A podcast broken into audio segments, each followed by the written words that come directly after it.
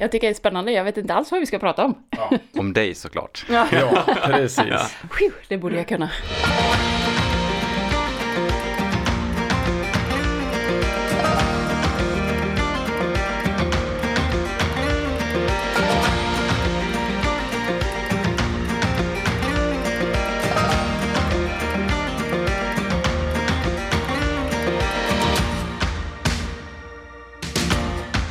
Och hjärtligt varmt välkommen till Fjällvandringspodden. Jag som pratar nu heter Anton Levin och med mig så har jag Lukas Wennerholm.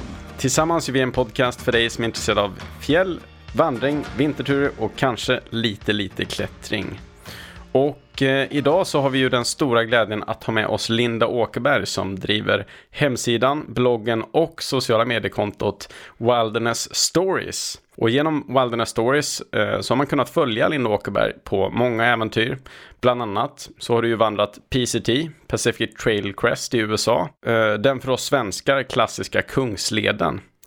Du har också vandrat till Everest Base Camp och bestigit Kilimanjaro, cyklat, vandrat och paddlat genom alla Sveriges landskap. Och eh, 2019 var du ju utsedd till eh, årets kvinnliga äventyrare. Och gett ut boken Expedition Sverige. Ja. Det är en lång meritlista här men vi är väldigt glada att du har valt att komma och vara med oss här i Fjällvandringspodden. ja, men det är kul att komma hit. Tack. Hur är läget? Eh, det, är, det är lite mycket nu. Så är det. Det är väldigt många bollar i luften som ska hinna landa på rätt ställe Mm. inom ungefär två veckor. Ja. Eh, så väldigt mycket just nu. Är det mycket planer inför eh, 2024 då eller? Ja, jag, har, jag gick ut här häromdagen bara med mitt nästa stora äventyr som jag ska göra. Som kommer pågå i tio månader ungefär med start från februari. Efter att jag hade bestämt att jag skulle göra det här så blev jag förfrågad om jag ville följa med och segla över Atlanten. Ja. Och då kunde jag inte riktigt säga nej till det. För det var ett väldigt fint erbjudande. Mm. Eh, och eh, det innebär att jag lämnar Stockholm på annandagen. Oj, ja, det är inte så långt kvar. Och sen kommer jag hem typ och så har jag tre, fyra dagar hemma innan jag åker iväg på det här. Så nu ska allting landa och mitt i Ja. allt det här så är det massa flytter som ska Ja. göras också. Så det, är, det är lite kaosigt. Ja. Det är mycket flyttlådor och ja, mycket bollar som sagt som ska hamna på rätt ställe. Det låter ju fantastiskt att få vara med om så många äventyr och vara ute och röra sig så mycket. Ja, det kommer, det kommer bli härligt. Nu var det länge sedan jag var ute på något sånt här liksom riktigt stort. Ja. Så då, då tar jag i ordentligt, tänker jag. All or nothing. Ja, lite så. Vi, vi, vi som eh, liksom har, har nördat ner oss lite i Linda Åkerberg så senaste tiden. Vi fun- eller jag funderar i alla fall på när du har vardag. Eh, vad gör du då? Oj, alltså det finns ju inte riktigt den typen av vardagen i mitt liv där, eftersom varje vecka är så extremt olika. Men eh, jag bor ju här i Stockholm. Eh, när jag är hemma så är det ju väldigt mycket admin-arbete, alltså förberedelser. Till exempel så driver jag ju ett reseföretag och de resorna är det ju väldigt mycket förarbete med. Så det är ju sånt som jag sitter mycket med till vardags. Eh, och sen har jag ju pojkvän, tre stycken bonusbarn. Så varannan vecka så är det lite mer fokus på familj och varannan vecka lite mer fokus på, på jobb. Låter som en härlig kombo. Jag ska nog säga att det är ganska lyxigt egentligen Ja. att, att kunna ha det så. Via dina sociala medier och på eh, även den här hemsidan du driver så får man ju chansen att följa dig och se massvis med vackra bilder från naturen. Och du har även skrivit många bra så här, guider som man Mm. kan använda för, för den som vill hitta ut. Antar att det är liksom någonting du också spenderar mycket tid med att Ja, fixa med. ja men precis. Jag vill ju lägga upp mycket och jag vill att det ska vara tillgängligt och lättillgängligt för den som börjar bli lite nyfiken på att ta sig ut. Ja. När jag startade min hemsida 2016, då fanns det ju nästan ingenting. Alltså Mm. det, den infon om hur man kommer igång och vandra var ju att gå in på Naturkompaniet och så fick Mm. man liksom en, en inköpslista som var två av fyra sidor lång med liksom, ja men vi pratar kokkaffe här, Köp- liksom, köp- kaffepanna skulle man ha med sig liksom. Eller köp kalas och bok. Liksom. Ja, eh, Ja. så att det var ju, eh, det, det fanns ingenting då. Mm. Alltså 2015 gjorde jag min första vandring. Eh, och då var det lite bökigare att försöka hitta all, Mm. All info. Så därför startade jag hemsidan och ville liksom ha den Ja. där. Och eh, vi har ju vi har hört ett rykte om att du blev vandrare på grund av en thriller. En film, st- stämmer det? En trailer i alla fall. Ja. Sen vet jag inte om filmen är en thriller, men eh, ja, precis. Jag, eh, jag jobbade ju som musikfotograf innan och hade en karriär som gick ganska bra. Men det var någonting som skavde, tror jag, som jag kände. Jag var inte riktigt eh, på rätt ställe. Fast jag förstod det nog inte själv, för det var en dröm som jag hade haft i väldigt många år. Eh, så jag fortsatte ju att kämpa mot den där drömmen och mådde väl därav sämre och sämre egentligen. Och sen var det en kväll när jag satt i min säng eh, på Kungsholmen då här i Stockholm och, och liksom, ni vet så här när man slöscrollar Ja, på, mm. på mobilen och liksom fem minuter senare vet man inte vad man har sett på. Men den gången så mindes jag vad jag hade sett för då fick jag se trailern för filmen Wild Mm. eh, och blev så fascinerad utav den här. Och liksom superfängslad och så fort den filmen kom upp på bio så gick jag och såg den och kunde inte sluta tänka på det här coola som hon gjorde i filmen. Så jag, eh, ja, jag eh, läste ju på en del om den här liksom leden och kollade dokumentärer och andra filmer och läste böcker och ja, blev bara mer och mer såld eh, Mm. på det. Och sen så gjorde jag min första vandring då på midsommarhelgen 2015. Var gick du då någonstans? Då gick jag och min mamma tre dagar på Roslagsleden. Ja, Men jag, jag tycker ändå att det är ganska tufft. För att alltså, jag tycker nästan att säga, låglandsvandring kan nästan vara tuffare än fjällvandring ibland för att just vattentillgången kan vara så begränsad. Ja, jo men det, är- det är sant. Man behöver ju ha lite koll på vart man kan ta Mm. vatten någonstans. Det är ju inte alltid man vill ta det liksom i, i de vattendrag. Som- eller dikes, diket liksom. här till Botevägen. 50 procent gummi från bilar. Ja. Men jag tyckte den leden hade ändå ganska bra eh, info på sin Mm, hemsida mm. vart det finns liksom vattenkranar som man faktiskt kan använda. Mm. Eh, men det var ju planering och, och se hur mycket man behövde bära med sig och sådär. Och sen ganska snart efter det här så, så ger du dig ut på ett ganska så mycket större äventyr. Vi gick den, den leden den midsommarhelgen. Sen hade jag bokat in en resa till USA den sommaren 2015 för att testa att vandra lite på den här Pacific Crest Trail. Och eh, gick två stycken etapper, en med några kompisar och en del själv. Och så gjorde jag lite andra vandringar, var uppe i Jämtland, eh, var på Höga Kusten, eh, på deras vinter, vintervandring som de har arrangerat där. Eh, och sen så drog jag iväg då för att vandra hela den här Pacific Crest Trail 2016. Men hur, alltså, alltså att liksom, hur går man ifrån att eh, eh, tre dagar på Roslagsleden till att liksom um, på, på ett år i princip, eh, eh, det här, det är ju liksom en så här livsförändrande vandrings, eh, liksom through hike, eh, PCT. Ja, men jag tror väl att jag har väl någon sån där eh, gen säkert att om jag fastnar för någonting så kan jag bli ganska nördig. Och Mm. jag blev väldigt, väldigt nördig och verkligen så här, ja men slukade allt jag kunde hitta om den där leden. Och det finns ju lite, ja men så här YouTube-dokumentärer från folk som vandrar och såg dem liksom. Och det bara verkade så himla, himla gött. Vad, vad var det som lockade? Det var väl lite olika saker, men en del var det här att få klara sig helt själv. Mm. Att vara liksom helt oberoende utav liksom allt. Mm. Att bara få, få vara där ute och få leva i den naturen. Mm. Jag tror att det var en sak som gynnade mig väldigt mycket när jag var ute och gjorde den här vandringen. För den är ju över 400 mil lång. Och jag var ute nästan i sex månader. Ja. Och jag har fått frågan många gånger så här om jag inte ville liksom, kände du aldrig för att bryta eller lägga av? Men jag kände aldrig det. Eh, för att jag var inte där för att, det är klart man är där för att ta sig i mål liksom till, till slutet.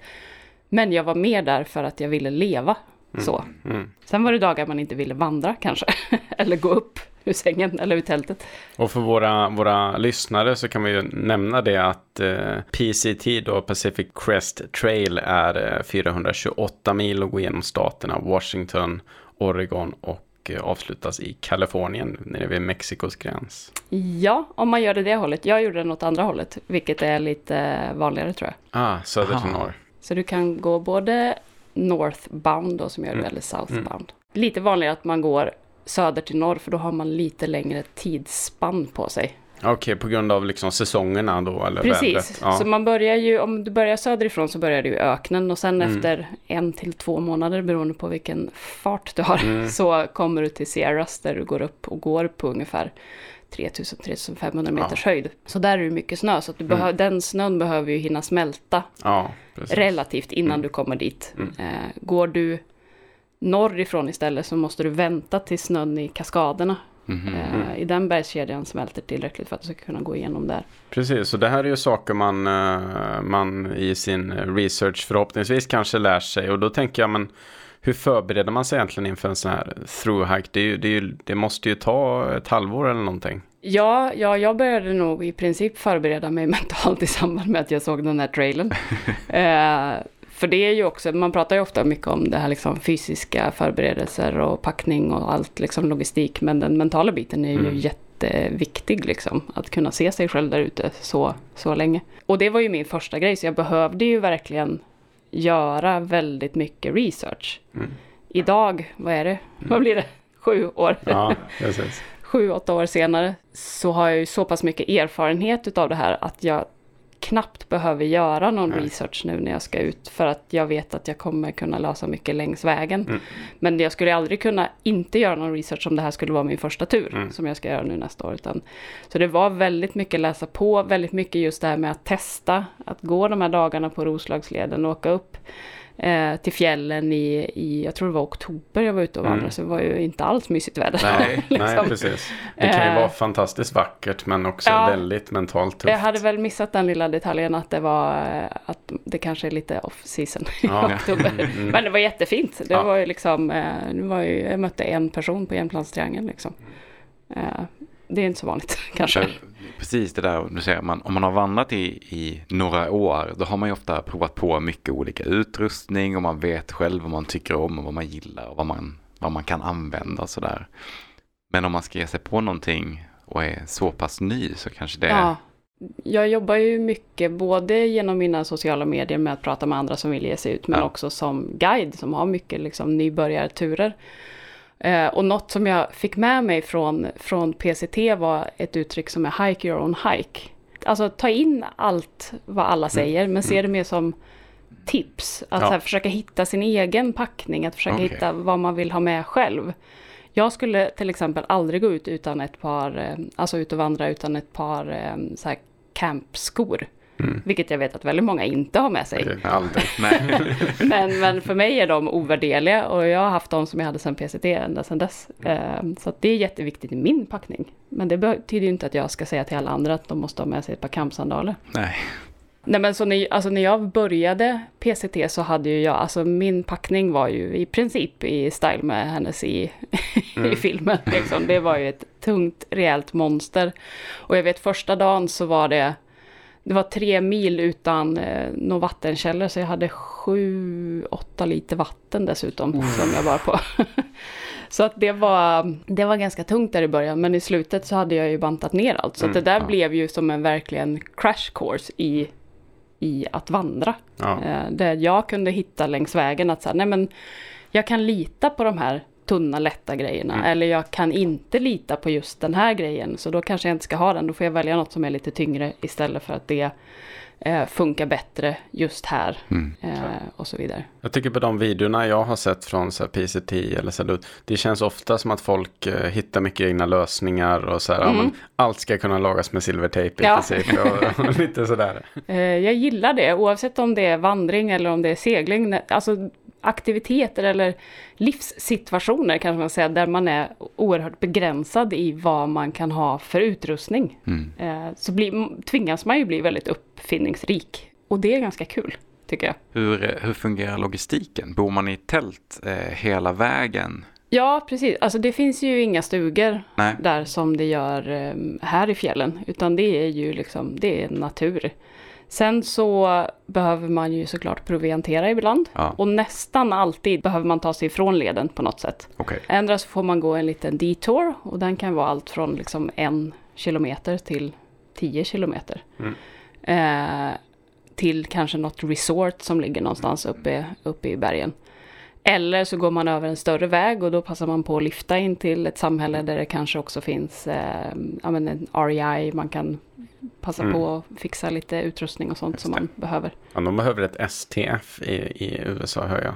Ja, det vet jag inte. Jag tycker det är ganska gött att det inte finns några stugor där. Det är liksom en liten del utav... Ja, men jag tycker just det här med de här små provianteringsbutikerna, alltså så här, Ja, när man kommer till Ritsem eller när man Ja. kommer, att eh, man kan liksom ta upp ett postpaket där, det ha är en ju liten, nice. en liten shop bredvid, bredvid vägen. Det finns ju, alltså det är ju en av de absolut finaste grejerna. Alltså med den leden, förutom naturen och allt det där, så är ju den, det samhället som liksom byggs upp kring leden är ju helt otroligt. Att alla de, eller inte alla, men många som lever kring leden eh, hjälper ju vandrare på olika sätt. Alltså öppnar upp sina hem eller man ställer upp och skjutsar. Det finns Facebookgrupper där man kan få skjuts eller hjälp på olika sätt.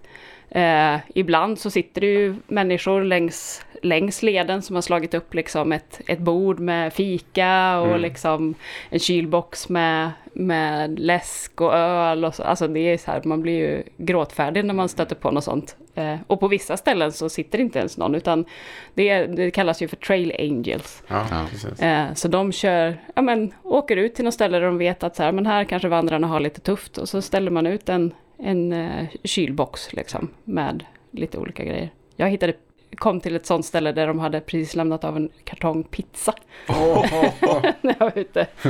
Eh, och det vet jag inte om, om någon STF-stuga kan slå faktiskt. Nej, precis. Eh, det var, just de där grejerna är ju riktigt, riktigt fina.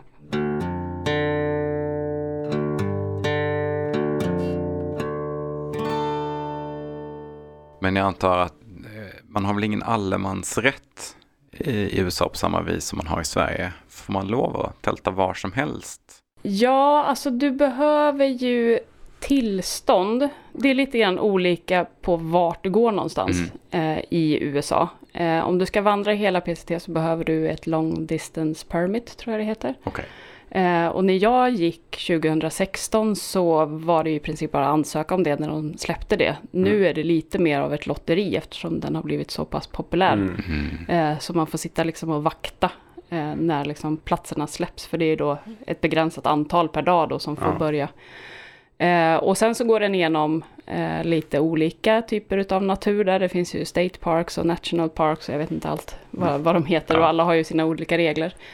Eh, men ska du gå som, som vandrare på en eh, veckas tur eller sådär, då behöver du kolla upp vad det är som gäller just där. För att på många ställen så behöver man köpa ett permit Mm. eh, för att gå. Och vill man till exempel bestiga... För man, att gå? Ja, för att vandra, för att röra sig Ja, i, den, okej. eh, i den parken eller vad Mm. det nu är. Eh, vill man bestiga till exempel Mount Whitney så måste man ju ansöka om det nästan ett år i förväg för att få en av de här liksom, platserna. Mm. När jag gick så, så var det inte alls så eh, hårt kontrollerat. Eh, men nu behöver man ha ett sånt permit oavsett om man kommer från, från öst då som är det vanliga, eh, vanliga sättet eller från väster. Eh, för där passerar då eh, PCT så man kan ta sig upp den vägen. Då behövde man inte ha något speciellt tillstånd men det behöver man idag. Man kan tänka sig att det är någon form av sätt att begränsa mängden Ja. personer som Precis. trängs på samma ställe. Ja, Men det är, ju, det är ju liksom, det är ju kulturellt så långt ifrån hur det funkar i, i Europa överhuvudtaget. Mm. Så det är jätteintressant hur det liksom kan vara sådana skilda världar. Ja. Eller i, i England kan man väl i och för sig se liksom spår av ett liknande system.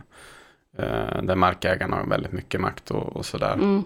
Ja men det kan ju, alltså det börjar ju också bli ett problem här. Jag menar det är ju inte bara fördelar med att fler och fler hittar ut. Utan det innebär ju ett slitage. Både Ja. för natur men också för den kultur, alltså de människorna som lever i Mm. området. Eh, där, där man tyvärr måste liksom gå in och sätta en begränsning. När inte vi som människor kan eh, respektera allemansrätten Mm. tillräckligt. För det är ju egentligen där det problemet Mm. eh, ligger. Vi gjorde ett litet extra avsnitt där vi pratade om diet och vi har pratat lite om mat och Mm. sådär tidigare. Eh, Jag funderar på, tänkte du någonting på det, ja, men hur du ska få i dig liksom all näring och träffade du någon liksom läkare eller någon dietist innan? Liksom? In, nej, inför det så gjorde jag väl inte det. Jag nördade väl säkert ner mig jättemycket i det. Mm. Men alltså det gäller ju bara att äta. Ja. Och det kommer man inte ha speciellt svårt att göra Nej, efter nej. ett tag. Då är det snarare liksom hur mycket man orkar bära som Ja. är den, eh, den begränsningen. Men någonting som, vi har ganska konstig matkultur tycker jag när det kommer inom vandringsvärlden. För mycket pratar om bara snacksa, snacksa, snacksa, snacksa, ät, ät, ät. Men vi tänker egentligen inte så mycket på vad vi faktiskt äter. Så för mig är det egentligen det senaste året, ett och ett halvt året, som jag har börjat tänka mer på vad jag faktiskt har med mig för mat Mm. för att orka. Mm. Ja. Och det är ganska intressant att det inte är speciellt uppfångat inom matvärlden i vandring tycker jag. Mm. Tänker du på att man äter mycket frystorkat och Nej, jag, godis? tän- jag tänker eller framförallt på att man äter väldigt mycket snabba kolhydrater. Ja, Eh, och det är ju bra, alltså om du ska göra någonting, att du ska upp för en backe till exempel. Mm. Men du, de går ju ur jättefort. Så du, och speciellt när man pratar om lättvikt till exempel, så är det så här, om du bara grundar din kost på snabba kolhydrater, då kommer du behöva bära med dig mycket mer mat. mm. För att den går ur kroppen. Om du kan liksom tänka igenom det och ha kanske långsammare kolhydrater, Mm. så kommer du också spara vikt. Det kanske funkar på de här lite kortare vandringarna. Om man är ute i två, tre dagar då spelar det kanske inte så stor roll för man har så mycket buffert från sitt vanliga liv. Ja, ja säga. men precis. Men när man är ute längre så Nej, men jag vet ju tufft. så här, alltså eh, gäster som jag har haft med mig ut och man tänker så här havregrynsgröt, det är väl typ det mest klassiska man kan äta Ja. till frukost innan man ska ut på tur liksom. Mm. Och folk så här, efter en timme, de bara, varför har jag med mig havregrynsgröt? Jag blir ju hungrig direkt Mm. efteråt. Mm. För det går ju liksom igenom så himla snabbt. Jag står mig personligen ganska bra på det, men däremot är det ju väldigt lite, det är väldigt lite näring per gram i eh, havregrynsgröt. Ja. Eller det åtminstone per, per volym. Man får ju äta väldigt mycket för att få i sig liksom 500 kalorier. Mm. Eh, De flesta äter väl kanske havregrynsgröt för 250 kalorier och det är ju liksom, det är ju inte ens ett nudelpaket. Nej, Nej. men det är ju apropå det på, på PCT, jag käkade ju, eh, min lunch bestod ju av i princip ett nudelpaket och lite godis. Mm. Mm. Alltså skulle man äta det till lunch här, liksom hemma, så skulle man ju bara... Nej, det här kommer jag aldrig stå mig på. Men där när man är ute och går liksom flera mil Mm. per dag, så bara, jo men det går bra. Kroppen vänjer sig också så att det, det, det går ju men det kanske inte är optimalt. Nej, Men du pratade lite om de här eh, tillstånden, liksom vad, Mm. vad pratar vi om för kostnader egentligen för att... tillståndet för att vandra hela PCT tror jag inte kostade någonting då. Mm. Jag vet inte om det kostar någonting idag. I så fall är det nog ganska lite. Det är tre tillstånd man behöver ha. Eh, hade jag ju kunnat kolla upp innan. Men det är det och så ska man ha ett Campfire Permit. Men det är egentligen bara att du kollar en film om hur du lagar mat. Liksom hur du Ja, använder eld mm. när du är ute. Om man inte ska starta skogsbränder. Ja, Ja. precis. Och så när man har kollat på den så klickar man i typ, jag har sett den här filmen och så får man det. Eh, och sen är det ett till som jag inte kommer på nu. Men det är också liksom något sånt som, som man inte behöver betala för. Jag för mig att när jag har varit där och vandrat efter det att, och var ute en, en vecka kanske, att det är något tillstånd att det, som kostar 10-15 dollar kanske. Så det, det är så här, vissa av de här tillstånden det är lite mer att man ska ha allemansvett Ja, innan man ger ja sig ut. precis. Eh, och det är ju ganska bra faktiskt. Ja. Att, eh, att man behöver ha det Mm. eh, innan man går ut. För det är ju som, ja, men som du sa, så här, den här tanken är så långt bort ifrån Sverige. Mm. Eh, den liksom allemansrätten vi har. Mm. Eh, men det är så många som glömmer bort att allemansrätten inte bara handlar om att vi har rättigheter utan det är en skyldighet också. Mm. Följer vi inte dem och liksom, då kommer vi inte ha kvar allemansrätten här heller förmodligen. Nej. Det är viktigt att sköta om naturen. Och det är väl oavsett var man är någonstans så måste det ju Ja. göras på ett vettigt sätt. När, du, när du startar upp här så, så nämnde du att du hade liksom väldigt mycket på väldigt mycket grejer med dig. Vi kan, Ja. vi kan väl börja med liksom, eh, vad eh, rensade du bort efter vägen i din packning?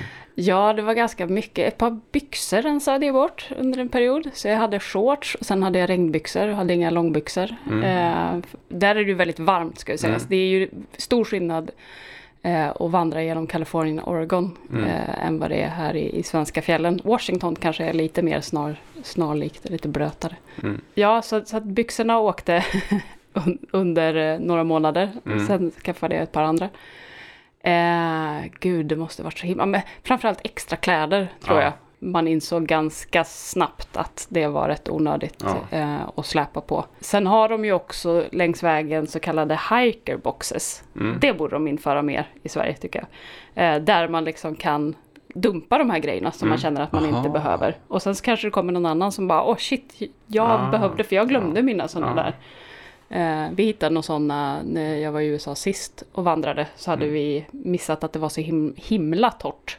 Ja. Så vi hade för lite vattenpåsar eh, med oss. Så Mm. då kunde vi plocka upp mer sådana.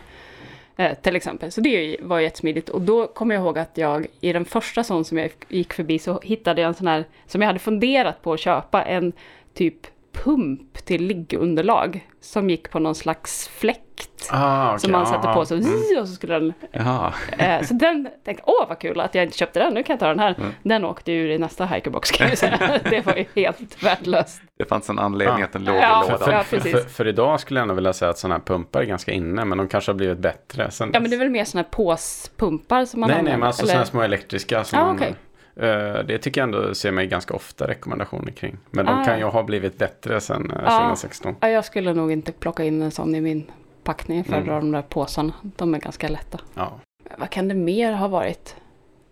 Men mycket säkert bekvämlighetsgrejer. Mm. Sen lär man sig ju också eh, att räkna ut hur mycket mat man behöver. Ja. eh, och sortera ut det mer och mer. Mm. Alltså i början så är det ju bra tycker jag att lasta på lite för mycket så man känner sig trygg Mm. och sen plocka ur efterhand så man hittar den där Ja. perfekta packningen som man vill ha.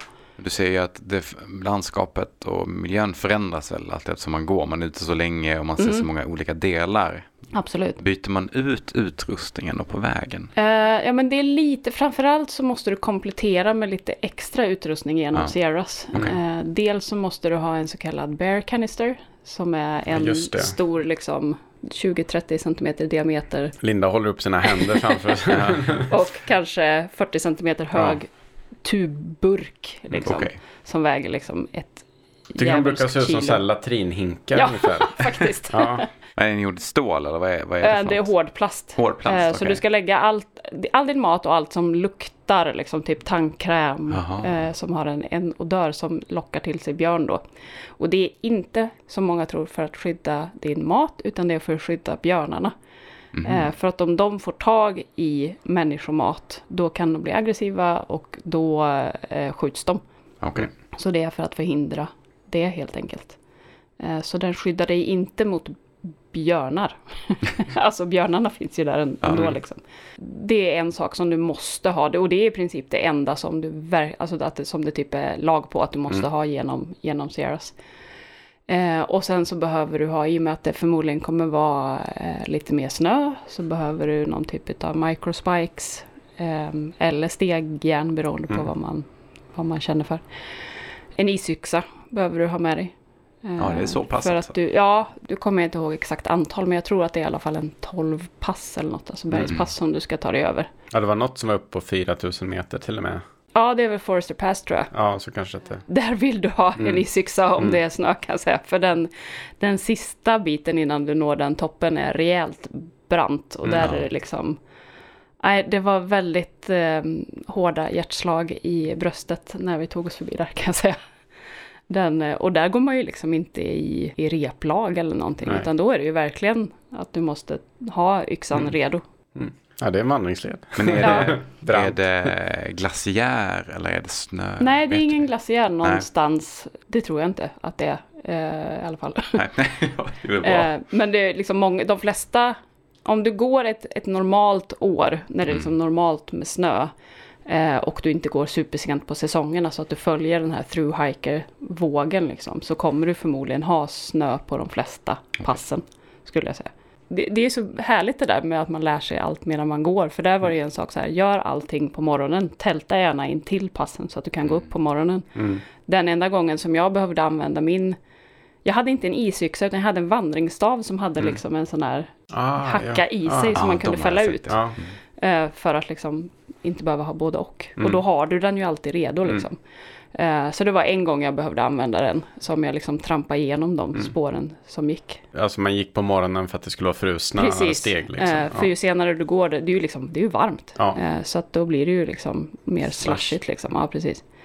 Och alla som har gått i mjuk snö vet jag att det är Mm. lite jobbigt. Mm. Det kan värt att undvika om det är brant kanske. Ja, Hur, är, hur är miljön? Vi pratar om Sierras, där det är, det är ganska stora berg va? ja det, är, alltså det är ju väldigt magnifikt. Ja. Liksom. Och du följer ju den lite kortare leden som också är ganska populär i alla fall i USA, John Muir Trail. Mm. Ja. Ehm, så följer man ju, nu kommer jag inte ihåg exakt hur lång den är, kan vara 30 mil kanske, Mm. något sånt.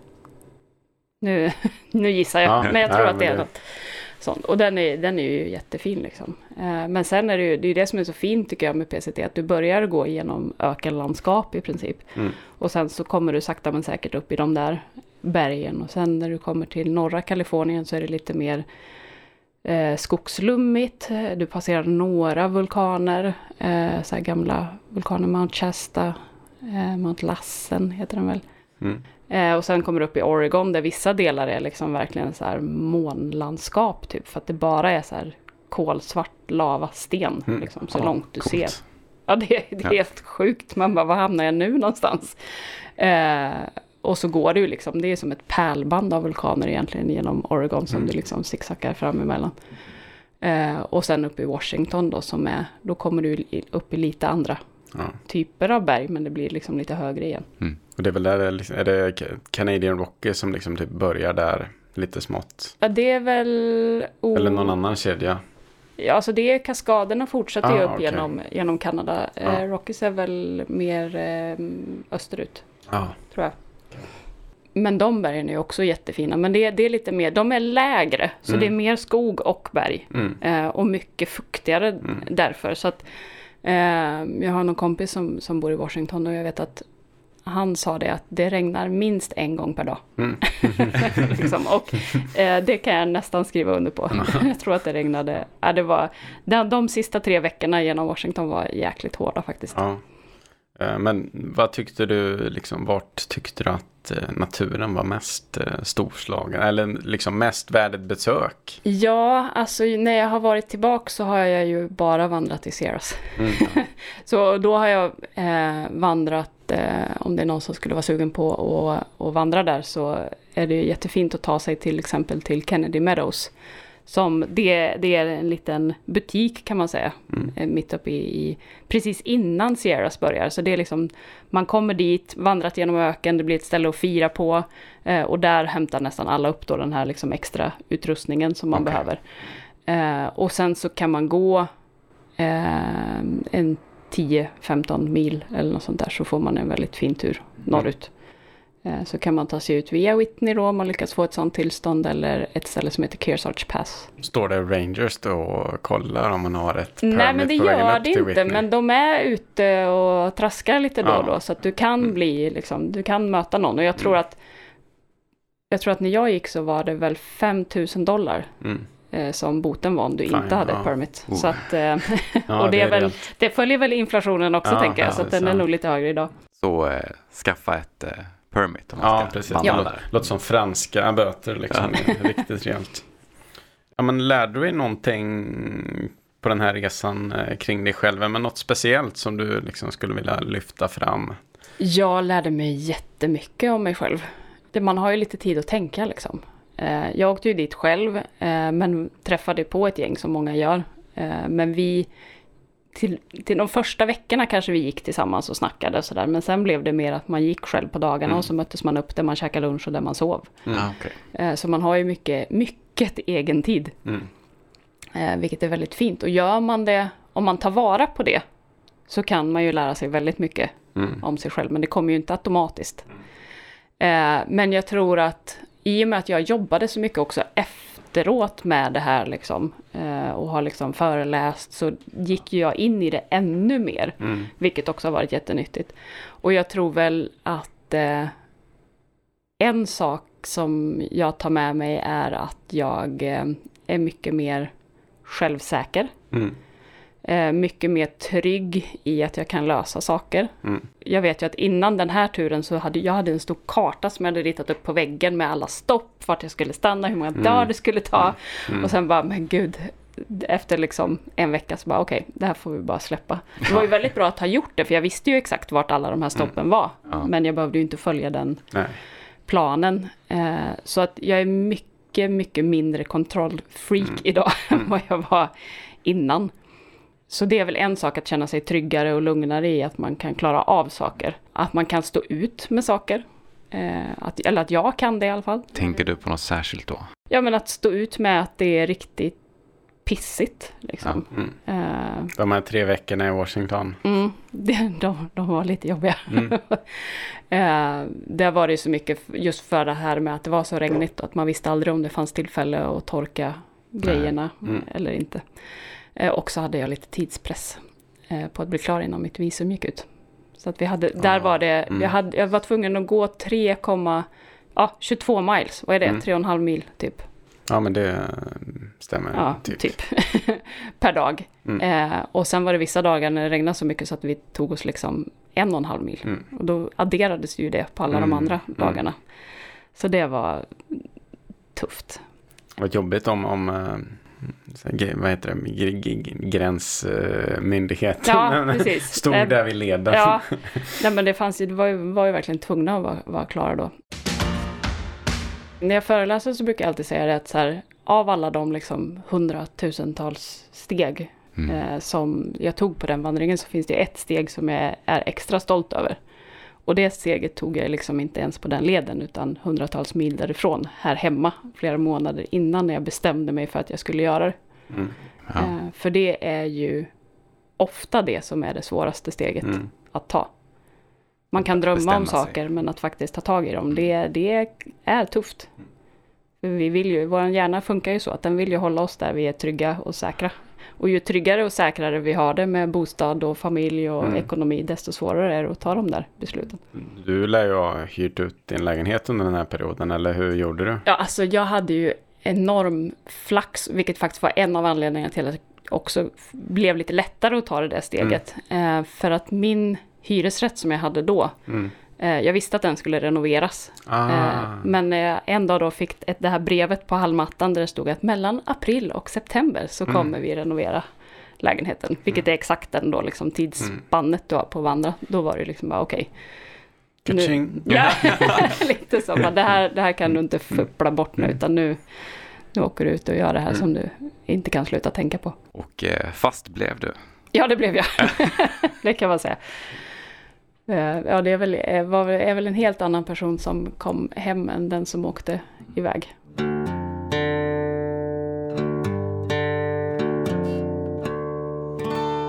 Ska vi eh, knyta ihop den här säcken då? Jag tror det är dags. Då vill vi tacka så jättemycket för att du kom hit och gästade oss. Tusen tack, det har varit superkul. Vi bägge har ju varit inne på din hemsida, läst om de här fantastiska guiderna och sådär. Eh, var hittar man dig? Ja, min hemsida det är ju wilderness-stories.com. Min Instagram, eh, Wilderness Stories, är väl där man kan följa mig som närmast skulle jag säga. Där lägger jag upp mycket och framförallt nu när det är dags för äventyr igen så kommer jag ju lägga upp så mycket som möjligt där. Förutsatt att jag har mottagning, men jag tror att jag kommer ha hyfsat bra mottagning. Kanske inte i början, men, men sen i alla fall. Vi rekommenderar våra lyssnare att titta på båda för att du lägger upp fantastiskt många fina bilder. Ja, men tack. Kul att se. Tack. Och vi eh, hoppas att få följa dig under året. Vi kanske Verkligen. får eh, släppa någon uppdatering om hur det har gått eh, Ja. på vägen. Absolut. Kanske ringer upp dig till och med. Vi får se. Ja, det får man göra. Ja. Jag är säkert jättepratglad. Ja, ja, men det vore en kul grej. Och eh, där rundar vi av detta ordinarie avsnitt av Fjällvandringspodden.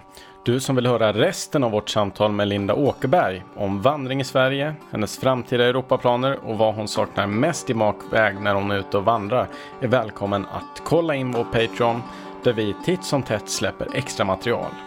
Så om du vill vara med och bidra till vår podd, eh, våra investeringar i ytterligare en mick, så eh, hoppa in på Fjällvandringspodden på Patreon.